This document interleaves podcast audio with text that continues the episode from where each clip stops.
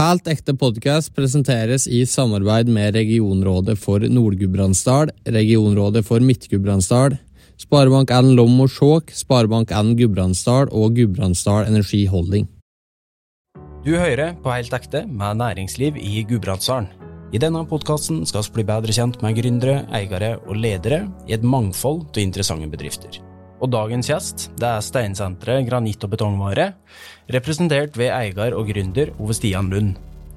Med henne skal vi prate om aktivt eierskap, viktigheten av folkene har rundt seg, og å skape varige samfunnsverdier. Ove Stian Lund, hjertelig velkommen til Helt ekte. Tusen takk for det, Andreas. Du, kan, kan står det til med deg om dagen? Det står egentlig veldig bra til. Jeg, jeg og Guro bor alene på Kvamsfjellet. Ungene har flyttet ut, og, og vi har fire barnebarn. Vi har to av dem på besøk nå. Veldig, veldig hyggelig. Um, I går en del turer i fjellet. Jeg har gått nå 2000 meters topper uh, de siste årene. Jeg prøver å gå en del på ski. Ja. Er det Rondden?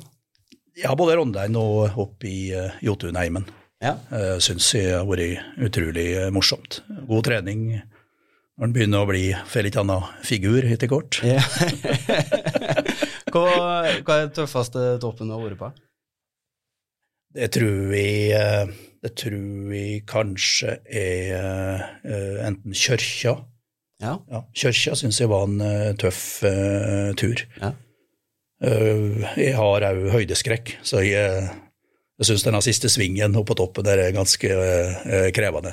Pumpa greit? Da pumper det, greit, ja. så da måtte de stoppe og vente på meg og geleide meg opp. Ja. ellers har jeg fått jeg liker å si det, da, for at jeg siden barndommen så, så trener jeg jo veldig mye. ikke sant? Og, og jogga mye rundt omkring i Sørperoa, Vinstra. Og, men jeg har jo ikke vært på Dalsjøen siden jeg var i barndommen. Og da jogga jeg oppå der fra bestemor og bestefar. Ja. Så nå for tre år siden så var det første gangen jeg var oppå der igjen. Og det gikk eh, vesentlig tyggere, ja. Gjorde det, ja. det, det. ja. Det er jo et nydelig område. Ellers så er det første gangen jeg har vært oppe på eh, Bjørnson-profilen. Ja. Det jeg gjort for eh, tre år siden. Så jeg har uh, fått opplevd nærområdet i, her i Midtdalen. da. Det syns jeg er veldig hyggelig. Ja. Du, du sier, jo, sier, det jo sjøl, du har flyttet ut på hytta nå. Kanskje det? Nei, det syns jeg er Hvis jeg kan få lov til å bruke ordet gave. Jeg har alltid vært veldig glad i Kvamsfjellet og fjellet. Og når jeg var liten, så, så var jeg mye oppå opp på oppe oppå på Kvamsfjellet med, med, en far. og lå der til mandagsmorgenen. Sto opp tidlig og gikk på ski ned til jeg skulle på skole og han skulle på arbeid. Ja. Og det, det har liksom uh, sett seg i, i hodet mitt. Det var liksom drømmen om å komme tilbake til det. Ja. Det er altså å gjøre litt uh, annerledes ting? Det riktig å si det? I, selvfølgelig. Uh, I forhold til Hva skal jeg si det, det, har jo vært et ganske tøft kjør som jeg har drevet etter, etter at jeg var ferdigutdanna i forhold til forretninger og slikt. Mm. Så det, var, det, er jo for å leve et annet type liv. Og, og som jeg sa innledningsvis, ungene har jo flyttet ut. Så er det hus i Kvam som vi forsøker å selge. Um, og uh, jeg tror det var en god beslutning. Mm. Og ser jo det når ungene kommer igjen, så, så, er det jo på fjellet de reiser. Får dere en mer aktiv hverdag av det? Jeg syns Guro er veldig flink til å bruke kveldene og til å gå ut på ski og gå turer og slike ting. Og vi gjør det mye med, med, med, venner, da. Mm. Så nei, jeg syns det Det i kombinasjon med å kunne òg reise og være i Oslo over eh, hva skal jeg si, når vi ikke og slik, at, så syns jeg det er veldig bra. Ja. Det, jeg liker meg godt i Oslo, jeg må si det. Ja. Ja, Bare for å komme og stute innpå deg, så har jo hverdagen din har jo endra seg litt grann, eh, de siste årene. Nå har du jo gått vekk fra posisjon som daglig leder. Ja, jeg har gjort det, og det, det var jo et en lang uh, både vurdering og prosess, det. Mm. Så uh, uh, absolutt. Jeg må jo si at det er jo en gave da, å få kunne være på Sletta-kafeen i, i, Kvam og sitte mm. opp med, med kvamværen der med fantastisk humor og gode historier. løs, løser jo både lokale og internasjonale problemer. Ja, det er bra råd nedpå der. Ja, det er absolutt. Og eh, det kan jo hende at det blir skapt noen nye problemstillinger òg. Det er eh, Jeg syns det er morsomt, da. Det er, eh, det er en passe god dose av både sjikanering og følelser og engasjement. Så, eh, Det er et fantastisk miljø når en opplever at samme historier blir bedre for hver gang du gjør henne. ja, det er det, og det er jo litt av identiteten til bygda. og uh, Jeg har alltid, alltid likt meg Kvam. Jeg har alltid likt godt humoren. Eh, Det, det er jo en del av det å, å kunne bo kunne fortsette å bo oppe i, oppe i Gudbrandsdalen og i Kvam, da, for å si det slik. Er det en humor du føler dere har med dere inn i Steinsenteret? Ja, absolutt. Absolutt. Det er ikke noe tvil om at uh, både og Geir Inge står for den humoren. Selvfølgelig Vinstra-humoren er jo Sørpero-humoren, jeg mener ikke noe annet. Men, men uh, Gudbrandsdalshumoren syns jeg er veldig viktig. Det å ikke ta seg sjøl så høytidelig og, og, by på seg sjøl. Mm. Det, jeg mener jo det, det har også nedfelt i, i uh, en del av hva skal jeg si, kulturbegrepene, kjerneverdiene våre. Absolutt. Dette med humor og galskap. Mm. For å, for å liksom, hoppe litt tilbake til begynnelsen, da. Du um, har en uh, bestefar som starta innen produksjon innenfor uh, faget deres tilbake på 60-tallet, og, og åpna flere produksjonsavdelinger både i dalen, men også utafor dalen, som uh, far din etter kort overtok. Du har, um, du har egentlig blitt født litt inn i bransjen? Ja, absolutt. De starta jo faktisk tilbake i, i 53, ja, bak en låve på, på Sjoa. Ja. En bestefar og, og bror hans, ja. før de flyttet videre til, til Vinstra. Da. Mm. Og de, de drev jo produksjon i Dombås på 60-tallet. Far etablerte jo egen fabrikk der. Bestefar hadde fabrikk oppe i Vågå. Ja. Før det ble både på Vingrom og og Blaker, og, og etter kort inn i Oslo. Da. Mm.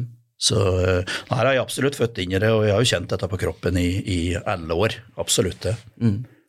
Hvordan var det å, å, være liten gutt og få være med ned på, på produksjonen der? Nei, det var, jeg, det var jeg glede, og noe jeg var veldig stolt av. Jeg, må innrømme det. Mm. det er, um, jeg likte, og så jeg kom inn i fabrikken, så likte jeg godt den lukta av sement og ferske betongprodukter. og diesel og forbolje og ja, ja, ja. det er det, det syns jeg er Ja, det, det ligger i, i, både ryggraden min og i bakhugget. Ja, det er slik at uh, du, du, kan fortsatt kjenne den i dag når du kommer inn på butikken? Ja, absolutt. Ja. absolutt. Ja. Det, det blir ikke kvitt den lukta der. Nei. Nostalgisk? Ja, ja. Jeg, ja, jeg er nok litt, litt nostalgisk, Tami, ja. Absolutt. Og, men det, det, er jo mye på grunn av jeg ser hva, hva de slet, da. Ikke sant? Og, og det, hva det krever. ikke sant? Det å etablere, det å drive på, på mange forskjellige parametere. Mm. Og så selvfølgelig så har jeg jo kjent på det sjøl i, i karrieren min. Men jeg var jo veldig heldig da jeg var liten. ikke sant? Jeg var med, jeg husker En av de, en av de episodene jeg husker best, det er når en far og bestefar kjøpte opp Skjåk sementstøperi. Ja. Da var jeg en 10-11 år gammel, slutten av 70-tallet. Og så fikk jeg lov til å være med, uh, sikkert ikke på alle, men på en del av disse forhandlingene. Ja. Og det å sitte da på et Det var jo høytidelig, ikke sant, og med kaffe og te og det, det fascinerte meg. Ja. Uh, og det gjorde nok òg uh, noe med et lite barnesinn, at uh, det, dette, var, dette, var, noe jeg kunne tenkt å drive med. Ja, ja. Ble du trukket mest mot produksjon, eller var det disse for, forretningsmøtene som du kjente på da, tror du, var mest spennende? Nei, det var nok forretningsmøtene ja, og problemstillingene rundt det, og det strategiske. Men jeg har alltid vært veldig glad i, i produksjon. Mm. Det, det, har jeg vært. Mm. Men men uh, det er nok som du sier, ja. Og dette sendte det ut på ei retning videre når du skulle skolere det og, og slik? Ja, det, det, gjorde det absolutt. Uh, uh, jeg, jeg, vurderte jo Jeg hadde jo egentlig tenkt å begynne på, på BI, mm. men så, så, visste jeg jo det at Eller ikke visste, kanskje, men jeg kjente på meg at jeg måtte ha mer tekniske fag. Ja. Eh, Så jeg tok to år på, på fagskolen på Gjøvik før jeg begynte eh, i Trondheim. da. Mm. Og det var jeg veldig glad for. Så, og jeg tok jo selvfølgelig eh, hovedfaget på, på betong, da, og betongteknologi. Ja. så jeg var jo så heldig å få Jeg hadde jo sommerjobber og, og høstjobber hos Norwegian Contractors uh, i, uh, i tre-fire år. Ja. Så jeg lærte jo utrolig mye om eh, ja, både drifting av ferdigbetong, ikke sant, eh, og verdiskapninga rundt det. Og, og jeg lærte veldig mye om kvalitetssikring og verifikasjon, da, som var et nytt begrep da. Mm. Eh, Men jeg lærte jo mye om drift, ikke sant, på de driftsmøtene som jeg satt og var med på. Det syns jeg var utrolig spennende. ja. Det er slutten til 80-tallet da? Nei, nå prater du, eh, nå prater du eh, begynnelsen av 90, Tidlig eh, 90, 90-tallet, ja. Mm. Da hadde det begynt å, du, inn, du sier jo dette med kvalitetssikring. Da hadde, det var jo da det hadde begynt å komme litt krav òg. Særlig etter Kielland. Ja, absolutt det. Og, og, og det, hadde, det fikk jeg inn under hua, å Ja. tenke kvalitet når jeg jobba hos NC, som det kaltes. da. Mm. Og, for det var det enorm fokus på kan du si, på å følge de krava. Ja. Uh, Byggherren med både Statoil og Shell var jo knallharde Ja. og veldig tøffe.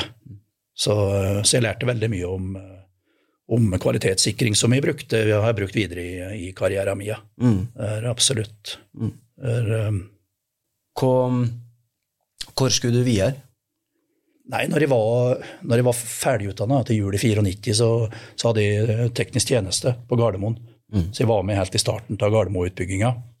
Og vart, eh, fikk byggelederansvaret for eh, to-tre jobber der ganske fort. Mm.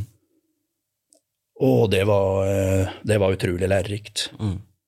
Jeg lærte eh, ja, jeg lærte jo på en måte å, å sitte og forhandle med entreprenørene, ikke sant. Eh, Dette med takt og tone. Mm. Det var fortsatt da, vil jeg påstå, i bygg- og anleggsbransjen ganske tøff tone mellom byggherre og, eh, og entreprenør.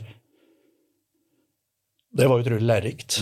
Um, og jeg lærte jo veldig mye om produksjon, ikke sant. Eh, og jeg brukte òg de erfaringene jeg hadde fra NC med, med å følge opp uh, på kvalitet. Ja. Du kom, kom jo da åpenbart med et godt faglig fundament, da. Men eh, det å ta lederansvar, var det Føler er det like naturlig? Nei, det var jo noen tøff, tøffe opplevelser. Det var jo det. Jeg stoppa jo annet en, en støp av en, en ganske stor ringmur uh, der. Eh, på grunn av at altså, krava var jo ikke oppfylt. Det var jo ja, Det så jo ikke ut. Eh, og det å stå i det og stoppe det, det, det, det var tøft. Men det er jo Hva skal jeg si Du, du må jo tørre å stå i ting, da. Og, og så var det klart, Dagen etterpå så kom jo administrerende direktør ikke sant, og konfronterte meg ganske hardt på det. Og, og det å stå i det òg, ikke sant, og kunne forsvare det basert på de riktige premissene. da, Ikke sant? Ikke bare at du er tøff i trynet og stopper en ting, men det må være basert på, på riktige premisser. Men til slutt, når det møtet var over, da, så kom han faktisk bort og takka meg for at jeg hadde, at jeg hadde stoppa det. Ja. For han kunne bruke det ikke sant, som et momentum til å òg sette et eksempel over for eh, karene sine. da. Mm. Så eh, det, så det ble jo snudd ifra en, eh, hva skal jeg si, en egentlig negativ opplevelse til å bli en positiv opplevelse. Mm. Har det betydd mye for deg, det å få oppleve at det å stå egentlig litt imot, da. Det som kunne vært en negativ opplevelse, endte opp med å bli en positiv en for seinere tid. Ja, men er et veldig bra spørsmål, det. Og, vi og, og, og kommer litt inn på eh, dette med å være gründer etter kort. Og, men eh, absolutt det. Mm. Det er ikke noe tvil, det. At, at du eh, Du har vært borti en del situasjoner hvor det har krevdes det å kunne ja, rett og slett stå i det og rett og slett å kunne manøvrere. Da. Mm. Og summe, summet av de har du håndtert på en bra måte, og, og andre har du håndtert på en dårligere måte, ikke sant. Jo, eh, det er jo, det er jo hva skal jeg si, det, det tar jo litt med kunnskap å gjøre om hvordan du skal håndtere ulike situasjoner, ikke sant. Og så klart at du drar med deg òg og blir litt mer moden og, og voksen i hodet ditt eh, etter hvert som du blir eldre. Mm. Eh, prøve å lære litt av andre, ikke sant. Eh, Det, det, det er ting jeg tenker veldig mye på, på eh, nå i etterkant, da, eh, i forhold til de yngre som, eh, som vi følger opp nå. Eh, Det, det, det utstråler jo en eksepsjonell trygghet i seg sjøl, når, når en velger å tro på det en står for der og da. Føle seg sikker på den kunnskapen en sjøl sitter med. Er det, er det genetisk? det, det er klart at uh, du, du kunne ikke ha bygd uh, opp Gudbrandsdal betong og industri ikke sant, fra 50-tallet og oppover uten at, du, uten at du klarer å stå i det, og at du er, er relativt eh, tøff i hugget ditt. da. Det er ikke mulig. For at risikoen er så stor. ikke sant? Eh, Du, det er jo mye ubehagelige situasjoner du er oppe i. Alt fra ansatteproblematikk ikke sant, til kundeproblematikk til leverandørproblematikk, og og òg selvfølgelig eh, eh, med andre interessenter, det med, med, med finansinstitusjoner, ikke sant. Så det er klart det gjør noe mer i. Og det er klart det gjør noe mer i når du sitter og fra barnsben av ikke sant, og lytter på, på slike ting. da. Jeg lytta jo veldig mye når en far hadde møte med en bestefar. Og så var jo og bestemor og bestefar Kåre Laulag. Mm. Uh, Og, og jeg satt jo og lytta på når de satt og prata. Husker du hva de prata om? Ikke konkret, men det er klart det var jo veldig mye med hva som var produsert den uka, ikke sant, og hva som skal produseres neste uke, og ulike typer problemstillinger. Men jeg, jeg, jeg kan ikke dra fram noe, Nei, nei. noe spesielt, nei. Det klarer jeg ikke. Er det, hva, tenker du er de beste egenskapene du har fått, uh, fått arva med det fra far og bestefar? Det er uh, i alle fall dette med, med å være tålmodig i, i uh, forretninger. Eh, tenke kontinuitet. Eh, tenke å bygge stein for stein. Du, det går ikke an å tro at du blir millionær fra dag én til dag eh, to. Det er jo litt morsomt. eh, Jeg har jo et firma på Vinstra, Lund Eiendom, og, eh, og der, der sitter jo med, med grusressurser borti Jota i Rustmoen, som en bestefar starta å kjøpe tilbake på eh, 70-tallet. ikke sant? Eh, Så kjøpte en far eh, resterende på, eh, på 80-tallet, eh, som, som ikke er utnytta enda. Og det, er jo på en måte med, det var jo med, rett og slett med tanke på å forberede fremtida, ikke sant. Og det, det, Den type tankegang uh, eh, mener jeg sjøl at de har. da. Og jeg håper at jo, jeg, jeg tror jeg er ganske bevisst på å bruke akkurat det da, i forhold til den forretningsdrifta som jeg driver, og, og den fokusen jeg har på verdiskapning. da. Ja, uh, Ove Stian har jo støtt drømt om å ta over familiebedrifter. Ja, Ja. det må jeg absolutt si. Eh, Jeg hadde eh, Det var, det, det var nok jeg som la på meg de eh, kan du si, eh, krava og forventningene til at jeg skulle være tredje generasjon. Mm. Men jeg tok, eh, jeg tok et eh, masterfag, altså master eh, og management på BI, på strategisk ledelse, i eh, 697. Så tok vi prosjektoppgaver i Gudbrandsdal betongindustri. Eh, konklusjonen, da, det vi dro ut fra den eh, prosjektet, er at eh, tida var gått forbi oss. Ja. Eh, jeg hadde nok ikke turt å sagt det til en far i dag, men, men det, en var det. Det var oss var litt akterutseilt. Ja. De andre konkurrentene hadde kommet vesentlig lenger.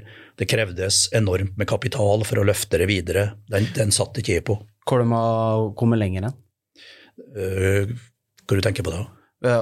Konkurrentene de kommer lenger, var det produktutvikling, eller var det på forretningsmodell? Eller? Både forretningsmodell og, og, og eh, produkter, og ikke minst produksjonskapasitet. Ja.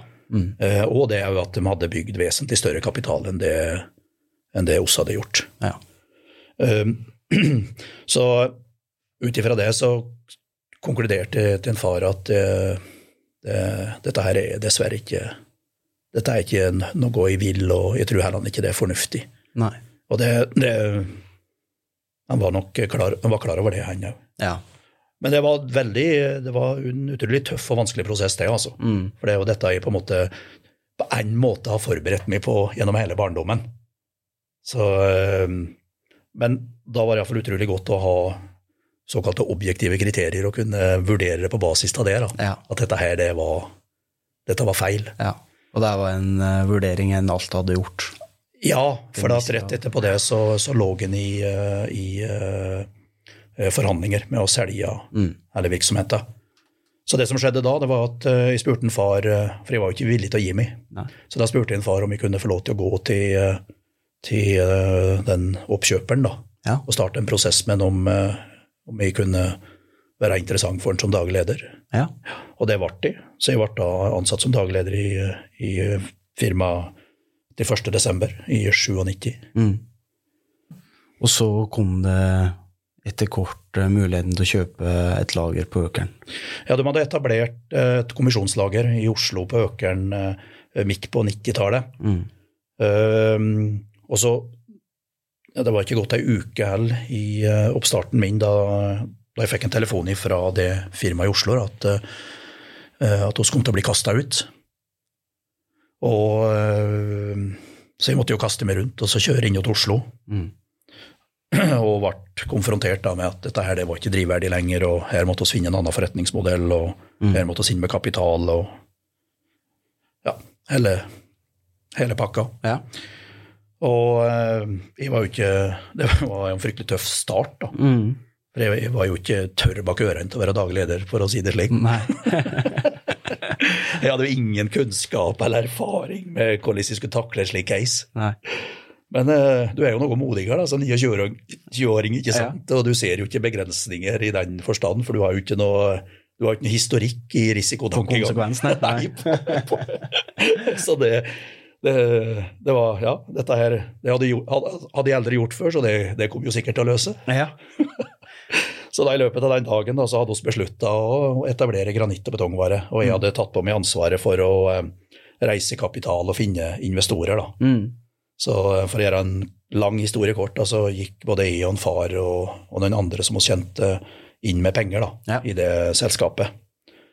Så eh, i, på vinteren 1998 så, så ble granitt- og betongvare stifta. Mm.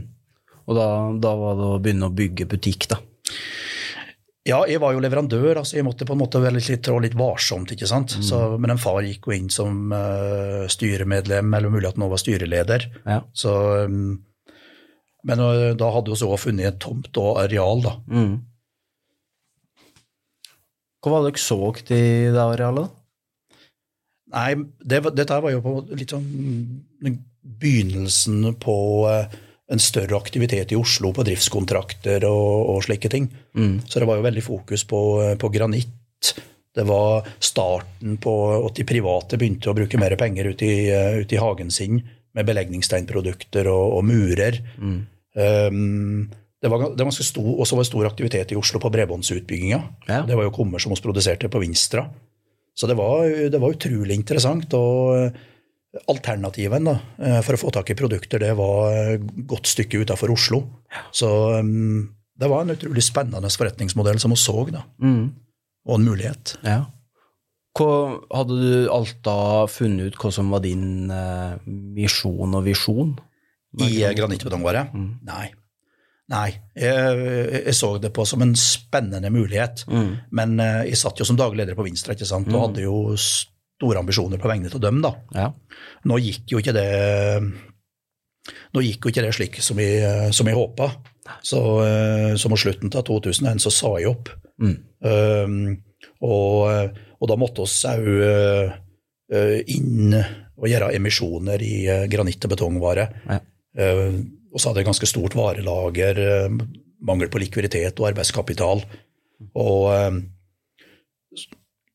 og Granit betongvare var jo i prinsippet konkurs egentlig flere ganger før vi gikk inn med penger. Så til slutt, eh, på vinteren i 2002, så tok jeg egentlig en, en beslutning, for da fikk vi inn Rescon, som det heter da, Ja. som forhandler. Og da følte jeg at forpliktelsene ble såpass store at, at da tok jeg grep sjøl. Og så løfta jeg ut alle de andre aksjonærene og uh, fikk inn et nytt styre.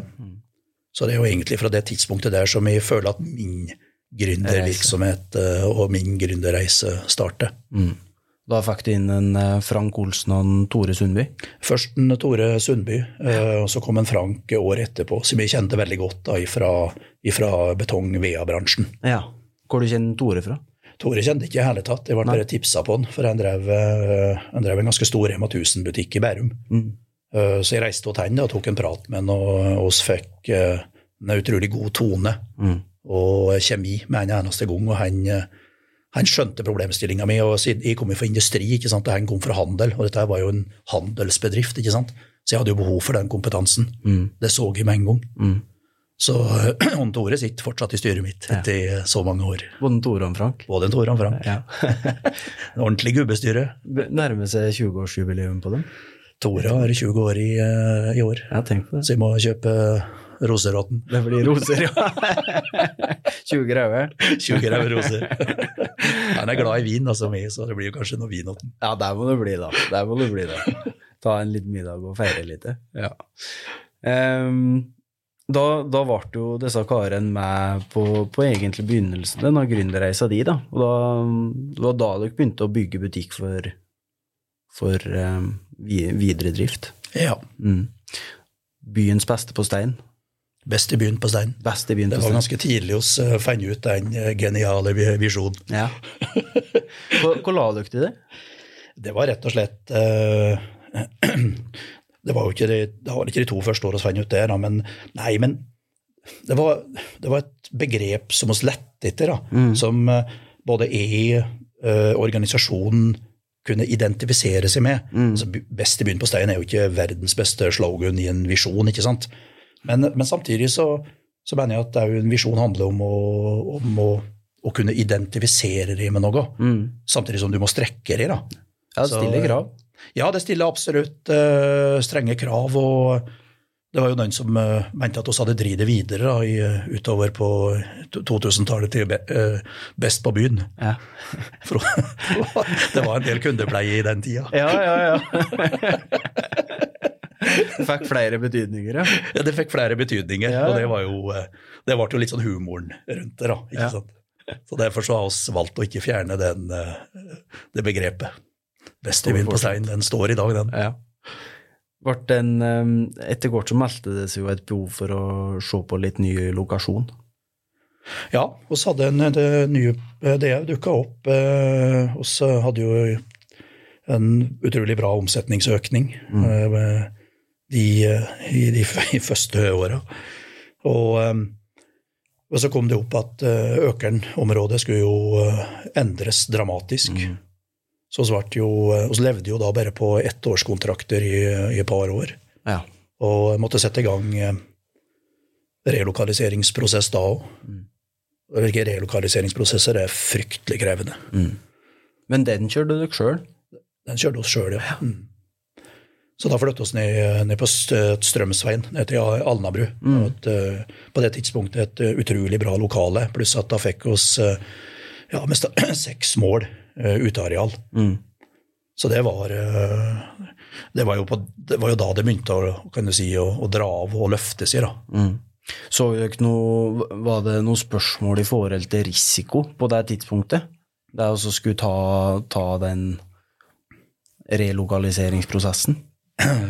Ja, klart det. For at eh, jeg løfta jo husleiekostnadene med, med dramatiske Ja. summer. Så det var, ja, det, var, det var ubehagelig, det. ja, Jeg må innrømme det. For at det, det fordra jo at du måtte løfte omsetninga egentlig år Det første året med en, eh, en 10-12 millioner. Mm. Men at det var i størrelsesorden der. Og det er klart at det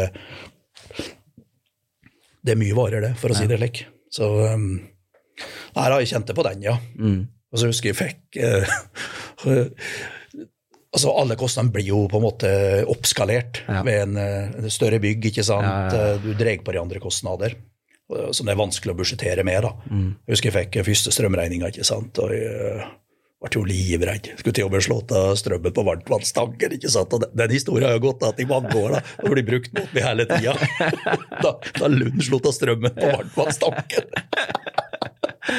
Det var djevt.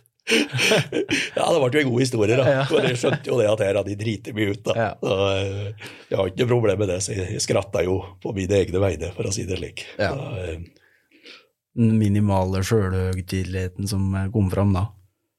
Ja, det tror jeg er veldig viktig, for det er, det, er, det, er jo, det er jo ikke noe tvil om det å, å være gründer og være forretningsmann. Det, er, det, er, det kan være veldig tøft. Mm. Det, har noen konsekvenser mm. uh, rundt seg. Mm. Um, du, du, blir jo på en måte oppfatta som egoistisk, ikke sant. Det å sette seg sjøl først og, og i forhold til at det det krever så mye ressurser og tid. ikke sant? Mm. Du er mye borte fra familien. Mm. Men, jeg, men, da har jeg liksom lyst, lyst, på å si at du må være villig til å se et større bilde. Ja. Det er jo ikke de sjøl du, eh, du, setter først. Det er jo de eh, hva skal jeg si, redselen for økonomiske forpliktelsene du har, ikke sant? både overfor eh, ansatte med lønnsutbetalinger, det er redselen med å ikke gjøre opp med leverandører. Mm. Det er selvfølgelig òg en, eh, en, økende byrde til offentlige kostnader. Ja. Da tenker jeg på dette med, med det presset på likviditet, da, som mm. er konstant. Mm. Og nei, det, kan være, det kan se ut som det er en glanshistorie, men det, det, ligger en del, ligger en del tøffe, tøffe, ting og mye våkenetter i forhold til særlig de flytteprosessene som vi har vært gjennom. da. Mm. det, var... så enorme terskelløft på kostnader. Ja. Og så er det klart at du kan til en viss grad eh, ha en effekt imot ved at du får en attraktiv lokasjon og mer attraktiv plassering i forhold til kunder, men det var helt sikkert behov for å styrke teamet. Det, det var det, og det er klart, men samtidig så blir du òg mer attraktiv da, som arbeidsgiver. Når du eh, tar nye grep, ikke sant. Du kommer til mer attraktive lokasjoner, det, ting blir større så blir du, så blir du automatisk mer eh, attraktiv. Mm. Men samtidig så må du òg eh, si, jobbe med HR-analyse og kunnskapsanalyse på en litt annen måte. ikke sant? Mm. For det er uh, en litt liten organisasjon som oss. Oss har vært alltid fra fem-seks mann til jeg tror oss kanskje en ti nå, pluss noen ti om sommeren. da. Mm. Uh, så, så, er det ikke Det kan være én mann som kan velte hele kulturen. Det er, det er en veldig uh, utfordring i, i, små organisasjoner. Mm. Den har jeg jobba mye med. Har gjort. Så i styrkinga av teamet da, så kom jo en, um, Geir Inge inn på laget deres òg? Ja da, han, han ble med som sommerhjelp, faktisk, ja. en del år tilbake. Han skulle egentlig begynne å jobbe på Vinmonopolet i Oslo. Men så, så jeg spurte han om han hadde lyst på å jobbe, da. Mm. men nei, jeg skal begynne på Vinmonopolet. Så gikk det ei uke, så ringte han og, og, spurte meg om han kunne få lov til å, å begynne likevel. Ja. Og vi hadde behov for han. Selvfølgelig har jeg behov for en gutt fra Sørperon. Ja. Men han var en av dem som førte, førte litt den dølske humoren til teamet deres videre, kanskje? Helt så det klart. Men uh, det som vi sier, han kommer jo fra Sorperoa, han er jo sønn av Per Agnar Støve. Ja. Bare det i seg sjøl sier jo uh, at det må jo være en fantastisk gutt. Ja. Nei, en, uh, jeg merker jo veldig godt på en, på en Geir Inge. Og det var en annen jeg hadde ansatt, da. en fra oppe i Vågå. Mm. De, de, traff jo han. Hadde jo utrolig kulturskapere, for å si det slik. Sjøl om de kanskje ikke levde til alle Eh, kulturbegrepene våre, så var de utrolige kulturbyggere. Både over, internt og overfor eh, kunder og leverandører. Og uh, jeg, merka jo godt på Geir Inge at han hadde, han hadde rette fokuset. da. Mm. Både i forhold til det å være kremmer, ikke sant, men òg å ivareta folk, og, og være glad i de som oss hva skal jeg si, møte av aktører i verdikjeden vår. da. Ja. Både, tenker både kunder og leverandører og andre andre interessenter. Mm. Stor arbeidskapasitet. Og ikke minst kremmerånd og forstå marginer. Mm. Det, må du, det, må du, gjøre. Skal du drive forhandlingsbedrift. Det er klart, det er jo både store aktører både på leverandør- og kundesida. Ja. Og det er jo veldig krevende, så vi jobber veldig mye med å finne posisjonen vår. Ja. Det gjør oss løpende. For det er eh, Det har vært store endringer, og, og det er store endringer på gang. Mm. Men, en, men en Geir Inge har mye av det til seg. Og så er det klart at uh, en har òg en sterk indre drive. Mm. Noe du kjenner deg igjen i? Ja, absolutt. Ja. Absolutt. Mm. Og den fikk jo være med på den vekstreisa, og dere så vel etter hvert da behov for å egentlig få ekspandert i enda større grad butikken. Ja, det kom jo til en ende der oss var, da, nede, i, eh, nede på Alnabru. At uh, eieren der uh, ville ha tilbake tomta og bygge ja. bilbutikk, da, som er der nå i dag. Mm. Så da måtte oss, uh, da satte oss i gang, eller jeg satte i gang da, den prosessen med, med den nye, store relokaliseringa. Mm. Og det var da, Jeg hadde faktisk med meg dattera mi, hun gikk på Ingeniørhøgskolen da. Ja. Så hun, hun lagde et prosjekt uh, i forhold til hvor hun skulle lokalisere oss, i forhold til altså, hvor var kundene våre, alt dette med logistikken og en del andre parametere. Ja. Og da summerte oss inn det området vi er i dag, rundt. Ikea, og, for der er det veldig mye handel, og, og veldig mye av kundene våre er i det området. Mm. Så det var, det var en, en, en, veldig bra rapport å ha med seg. Mm. Da jobba vi òg i styret, ikke bare med synsing. Og så engasjerte jo selvfølgelig òg et selskap til å hjelpe meg i den Mm. prosessen. Mm. Så til slutt så landa oss oppå der vi er i dag. Var det, var det, avgjørende å få med eksterne aktører for ja. å komme gjennom? Ja. ja, jeg må bare jeg må bare si ja. ja. For det, det, dette her var såpass stort et løft, ikke sant. Du, du, du, prater, du prater, jo store summer her òg, ikke sant. Mm. På husleie. Du prater Altså, vi gikk jo fra fem-seks mål, ikke sant? og nå har vi jo tolv mål uteareal og, og 1500 kvadratmeter å bygge, ikke sant? så det er jo en, i en helt annen dimensjon. Mm. Og selvfølgelig er det en helt annen dimensjon når det gjelder kostnader. Kan stykke du deg å gi fra deg slike, å gi litt slipp for slike ansvar?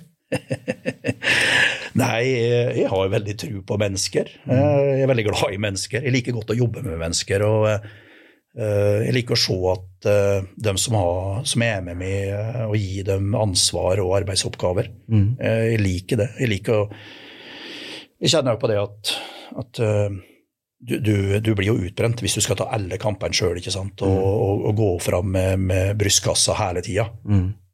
Så det å bygge opp folk, det, det, er jeg veldig glad i. Mm.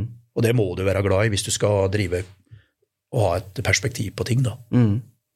Hva var liksom det viktigste som de eksterne aktørene her hjalp dere med? Hvor var det de løfta prosessen? Det, det, og klart, Vi hadde jo ikke noe, noe, noe kunnskaper eller erfaringer slik sett, ikke sant, til å, til å, ta kontakt med ulike eiendomsaktører, ikke sant. Uh, uh, hvis jeg skulle komme der med granitt og betong, var det ikke så sikkert alene, eller i seg sjøl, jeg har blitt tatt, kan du si, blitt vurdert, da. men det er klart, når du kommer med et større eiendomsselskap, type som vi brukte, Mm. så, blir, så blir du dette, Husk på at dette er jo relasjonsbasert ikke sant, Mm. på det nivået der. Det er bare slik det fungerer. Ja. Kjenne folken. Det å kjenne de riktige folka ikke sant, og, og, og være attraktiv, da. Ja. Så, men altså, husk på at Oslo er et helt annet type marked og helt andre type mekanismer der enn det i Gudbrandsdalen. ikke sant? Mm. Mm. Og der ble det jo ei veldig lykkelig reise. Og så etter kort så, så begynte jo du å tenke da litt rundt i egen rolle. Jeg hadde tenkt rundt min egen egen rolle i, over ei lengre periode. For at mm. jeg, jeg har slitt litt med helsa de siste ti åra. Eh, kjent litt på at det er, det er jo knalltøft, da. Ja. Eh, du kjenner jo mye på Hva skal jeg si en, Du blir aldri kvitt redselen. Du, du, du, legger på deg et prestasjonskrav, ikke sant, og uh, det er jo Må jo innrømme at det er mange netter jeg ikke har sovet. Mm. Så, um, så, til slutt så begynte jeg å kjenne på at nok er litt nok. da. Så jeg starta jo forberedelsene både med, med relokalisering, men òg med, med, et skifte på lederskapet mitt. Ja, det, det, er flere år siden, det. Mm. Og øh, jobba jo med utrolig mange scenarioer, og slik, men jeg, jeg, visste at jeg måtte gjennomføre denne relokaliseringa. Mm. Jeg visste at jeg måtte drifte det et år for å få på plass alle investeringene og, og hele strukturen da, mm. til det, og få på plass og, organisasjon. Mm. For det, en relokalisering det skaper mye støy i organisasjonen. Mm. For du må gjøre dobbelt- og trippelarbeid og alt mulig. Mm. Så, øh, altså det var egentlig øh, når vi så hadde flytt, mm. og så var vi i Liverpool, Jan og Geir Inge og uh, en god kunde til oss. Ja. Og da, da, da, tenkte jeg at nå skal jeg teste dette her. Da. Så, så hadde, under middag da, så, så, sa jeg at hvis, hvis jeg skulle vurdere å gå av, mm. så ville jeg høyst sannsynligvis ansette en Geir Inge som dagleder. Ja. Dette var rett og slett en, en, en test på dem. da. Ja. Litt positiv manipulering. Ja. og da, da kasta han kunden sin frampå og, og sa at, eller kom med veldig gode argumenter da, mm. på hvorfor Geir Inge skulle ha en slik rolle. Mm. Og det, det, var jo utrolig interessant, da, for da fikk jeg sortert litt, ikke sant. Og, for du kan kjøre masse analyser, men du må ha med i, må ha med i magen. da, ja. og, Magen og ryggraden. Ja. Det er klart det var sikkert en god bekreftelse at en kunde satt og argumenterte for at det var ok. Det var veldig viktig. Det var nok litt avgjørende, det. Så, mm. altså, da brukte jo, da brukte jo tida i etterkant til, til, å forberede dette her, ikke sant? både i forhold til hvordan rolla hans skulle være, hvordan jeg skulle tre av, men òg at jeg ønska at han skulle komme inn på eiersida, mm. og hvordan hun skulle håndtere det. Mm. Så, så, da ble han ansatt. Hvem var klar? Styrelederen min, Frank, eh, hadde et møte med han på Mm. høsten i, eh, i 2019, ble vel det. Og um, han ble jo veldig overraska og veldig satt ut. Mm. Men uh, samtidig så Du blir jo aldri på en måte forberedt eller moden nok til noe slik, ikke sant? Men, uh, men jeg, jeg, hadde jo veldig tro på Geiringer. Ja. og, uh, og, han takka jo da heldigvis ja. Mm. Og så skulle hun begynne det, og så gikk det ikke lange stunder før hun fikk skal skelle det et slag ganske rett i trynet. da. Det var jo en rett og slett en unntakstilstand mm. da den pandemien kom. Mm. Vi satt jo inn på Eller jeg var egentlig på Gran Canaria ja. da den kom. Og Så når vi kom hjem da, så, så var det Det var jo kjemperart. Mm. Og det var jo da Du fikk jo beskjed om å reise rett på hytta, ikke sant? Mm. Um, og um, det var jo da styremøter. Og møte med Geir Inge med en gang, på Teams, da. For da hadde jo det kommet, ikke sant? Ja. Så det løfta oss jo utrolig på det digitale, slik sett. Og kjørte jo både analyser og hypoteser, ikke sant, for mm. å se de verste, verste utfallene. Men så måtte du jo være varsom, ikke sant. Du kan ikke spre de verste utfallene og de verste hypotesene til de ansatte, det går jo ikke an. For da skaper du utrolig med støy. Mm. Samtidig så må så du må gjøre risikoanalyser. Ja. Og, men det, det det handla om da, det var jo å ivareta de ansatte. Og Hvem gjorde dere det? Nei, Geir Inge gjorde det på en utrolig bra måte. Uh, og så hadde jo løpende styremøter, ikke sant. Mm. Uh, og Frank Olsen òg uh, hadde jo erfaringer tok med seg erfaringer fra hvordan Hunter til sine, sammen med Tore. Mm. Så de var jo utrolig ressurspersoner overfor Geir Inge i den perioden der. Mm. For det, det, var jo ikke noe tvil om det at han var i en utrolig sårbar posisjon. Som blodfersk daglig leder. Ja. og samtidig altså var det det som var bra, da, det er at det var jo ganske klare retningslinjer fra regjeringa. Slik at du på en måte, det var lett å forankre de tinga. Det var lett å forankre tiltak. Ja. Og så gjaldt det å se muligheten fra der, da. Ja, og det Det, det gjorde han. Ja. Og så hadde jo Jeg syns også ivaretok de ansatte på en utrolig god måte, ikke sant? for det måtte jo organiseres på en annen måte. Hvem som skulle jobbe hjemmefra. Mm. Dette med ikke møte han, ikke sant? ikke ha noen kontaktpunkter. Og, og du, men det som var bra da, for han, det var jo at han nå fikk han jo han fikk jo satt agendaen veldig tidlig som daglig leder.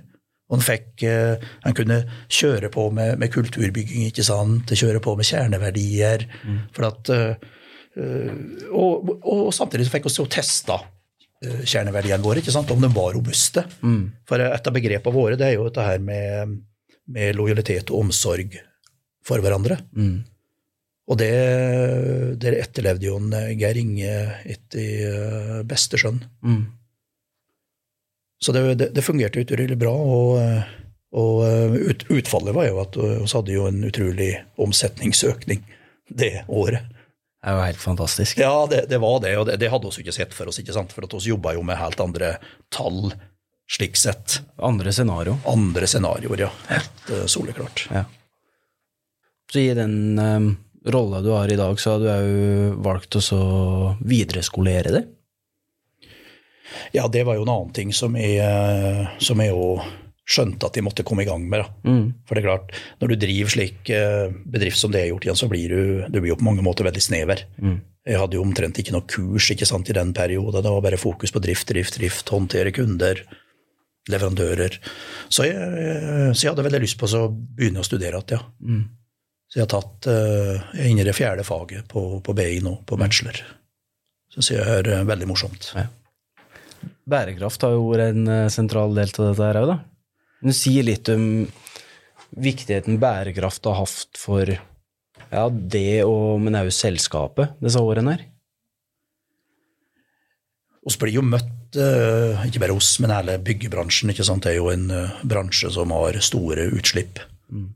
Um, granitten som oss eh, er med å importere, har jo et eh, kolossalt fotavtrykk. Og, og det er ikke det at du skal, du skal ikke prate ned ting, for at det, det it is what it is. Men, eh, men samtidig så klart at du er, nødt til å, du er nødt til å se på forretningsmodellen din. Det ligger i, eh, Er du ikke med på det, så- så blir du stående satt. Mm. Og um, det kommer jo nye krav og reguleringer hele tida. Det var krevende å sette i gang det bærekraftsarbeidet som oss har gjort. Ja. Det, det må jeg si. Det er, eh, du møter litt motstand, for at det er veldig ullent. Fryktelig mye akademiske begreper.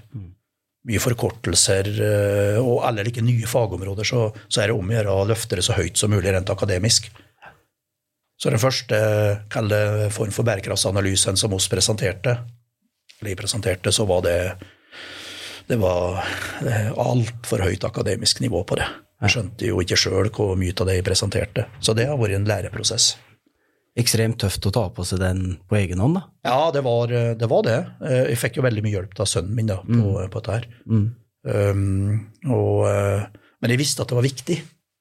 Det var viktig at du gjorde det sjøl, og ikke brukte noen eksterne på. Ja, ja, ja. ja, ja. Det, det, det var det. Og så visste jeg jo at de måtte dra det dette måtte de dra vekk fra en Geir Inge-organisasjon, Mm. for det har oss ikke tid til å drive med. Men samtidig altså, vil jeg jo berømme at de lå jo framfor. Ja. For at de hadde jo allerede satt i gang prosessen med miljøfyrtårn og, og en del andre ting, da. Mm. Heldigvis. Så, så hadde jo de fokus på å kalle det si nedfallsfrukten, da. Ja. Eh, mens jeg drev litt eh, høyere opp i sfæren. Ja, ja men, men, jo, men du, det, er, det er jo riktig det å si, da, fordi da hadde de alt begynt å møte de kravene som dere ble stilt Ja. overfor, Ja. og så kunne du begynne å utforske mulighetsperspektiv. ja, det er en, en god beskrivelse på det.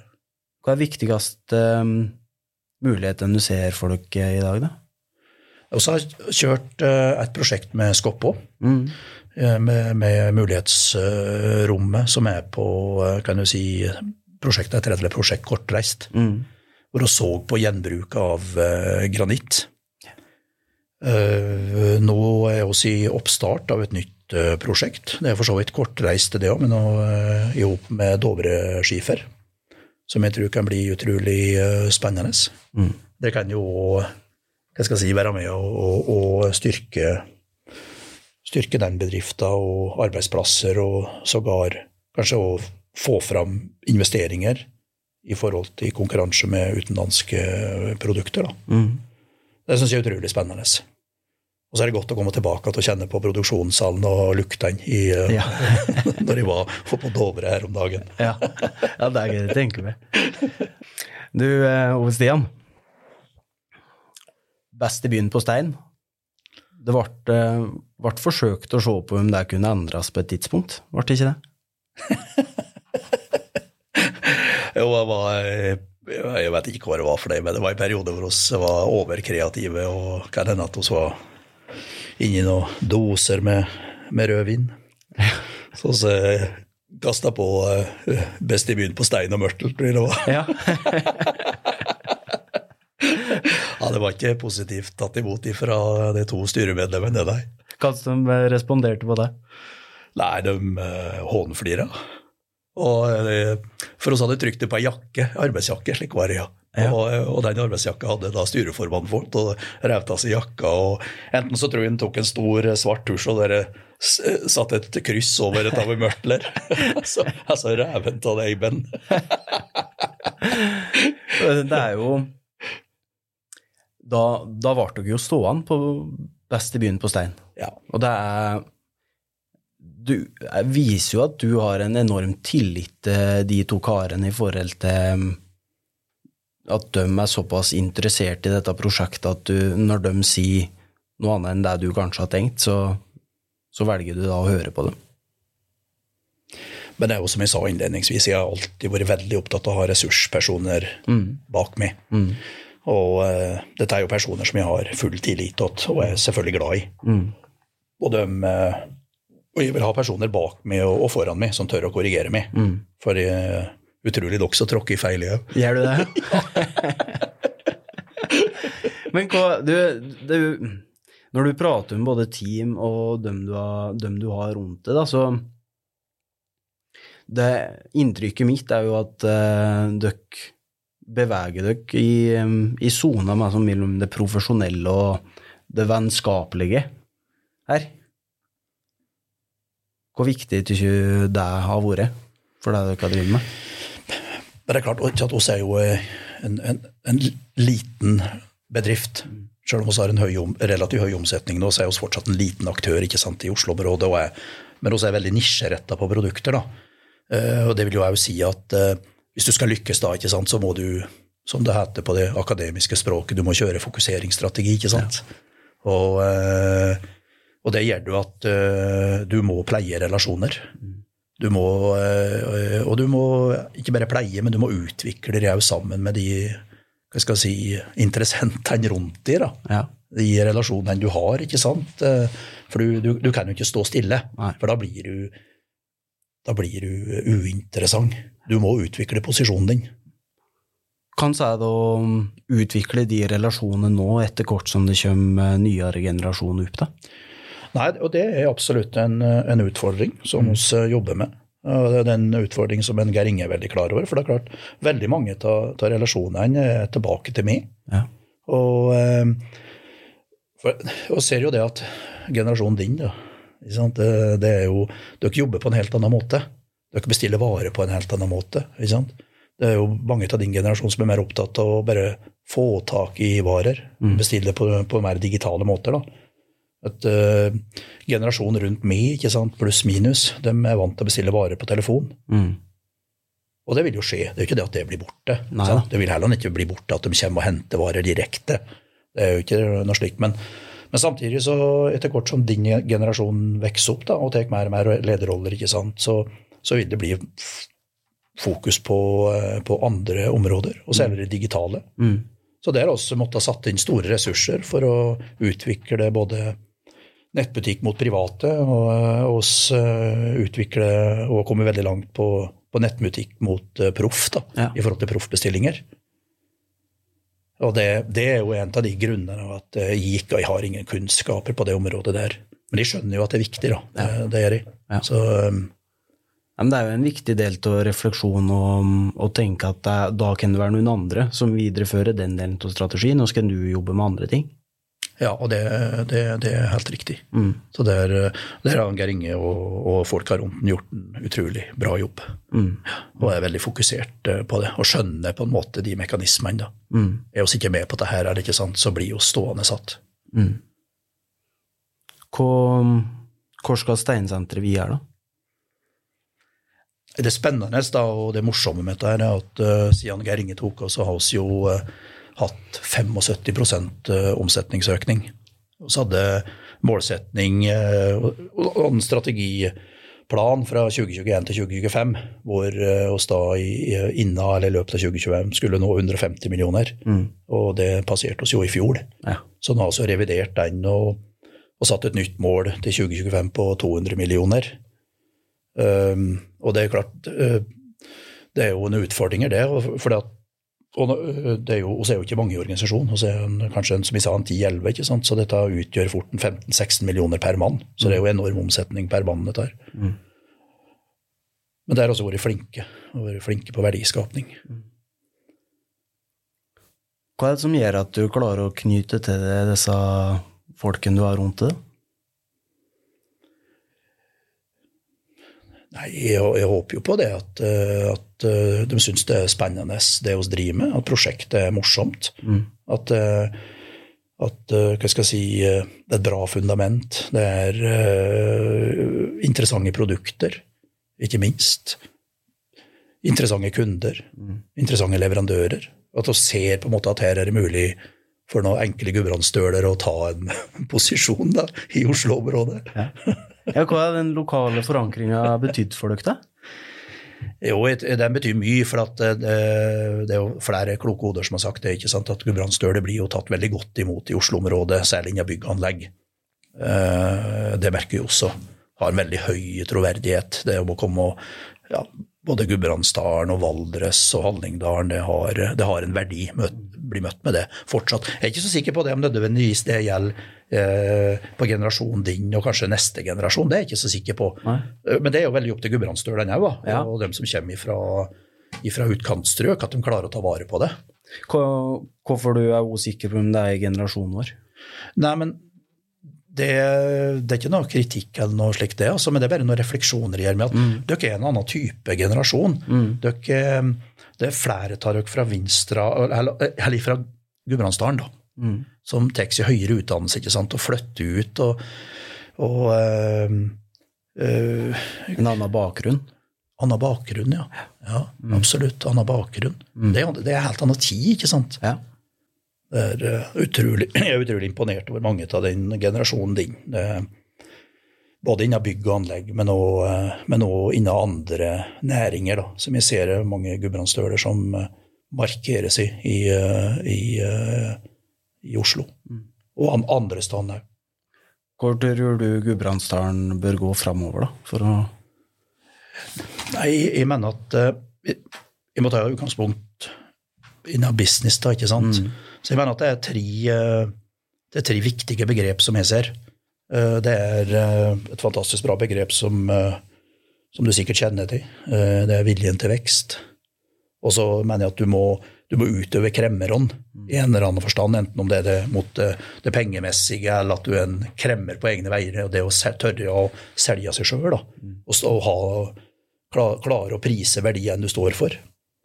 Eh, jeg mener klynger er viktig. Det å kunne bruke verdikjeder og, og, samarbeidspartnere eh, jeg tror jeg er ekstremt viktig. Mm. Det neste det er dette med eierstyring. Mm. Det at du, har, du klarer å bygge opp ressurser rundt dem. For min del så har det vært ekstremt viktig å ha ressurser i styret. Det, det er tre begreper som jeg mm. mener er viktig for min del, da, mm. og sikkert òg er universelt. Mm. Hvor tenker du Eller hva tenker du Steinsenteret skal være um, La oss si en seks-sju år, da, som dere ikke er i dag? jeg har jo jeg har jobba med en del oppkjøp i denne perioden her. Og eh, dessverre Eller ja, jeg har ikke lykkes med det. Og det, det, den kjenner jeg litt på. Jeg føler at jeg mislykka litt eh, på det. Men, eh, for det har som vært min jobb, da, en av de strategiske, å finne attraktive oppkjøpskandidater for å løfte oss videre. For oss må videre. Og små blir bli større. Altså blir også etige på et tidspunkt. Slik er det bare. Og det er jo litt, det er jo litt den utålmodigheten og risikovilligheten min da, som jeg ønsker å bruke på dette. Mm. Uh, men samtidig altså, jeg snakka med vesentlig klokere hoder oppe i Gudbrandsdalen som har drevet vesentlig større virksomheter enn det jeg har gjort. og og som vedkommende sa, at eh, det må stemme med kulturen. Mm. Det må stemme med en viss form med kjerneverdien. Mm. Eh, og selvfølgelig at det må være tillit mellom partene. Og um, særlig i en så lita bedrift som oss, ikke sant? Så, så, er jo dette helt ekstremt viktig med, med, med kulturen. Og um, jeg håper jo på en måte at eh, når vi har satt håndbrekket på det, at det har vært kloke avgjørelser. Mm. Samtidig så føler jeg at jeg har stått litt på perrongen mens toget har gått. Ja. Men det er jo noe med de prosessene her at uh, er, du er streng mot deg sjøl hvis du sier du har miss, at du, eller at du ikke har lyktes med det enda, fordi det har jo vært en grunn til at du ikke har tid det. Så når den riktige kommer, så med den risikovilligheten, så, så tar du den? Ja, det gjør jeg. Jeg gjør det. Jeg er ikke, jeg er ikke redd for det. Men eh, du må jo òg være villig til å stille litt uh, strenge krav til deg sjøl, ikke sant. Ja. Her, uh, du kan ikke være fornøyd med alt. hva, hva, er det beste rådet du kan gi til uh, unge gudbrandsdøler i dag, da?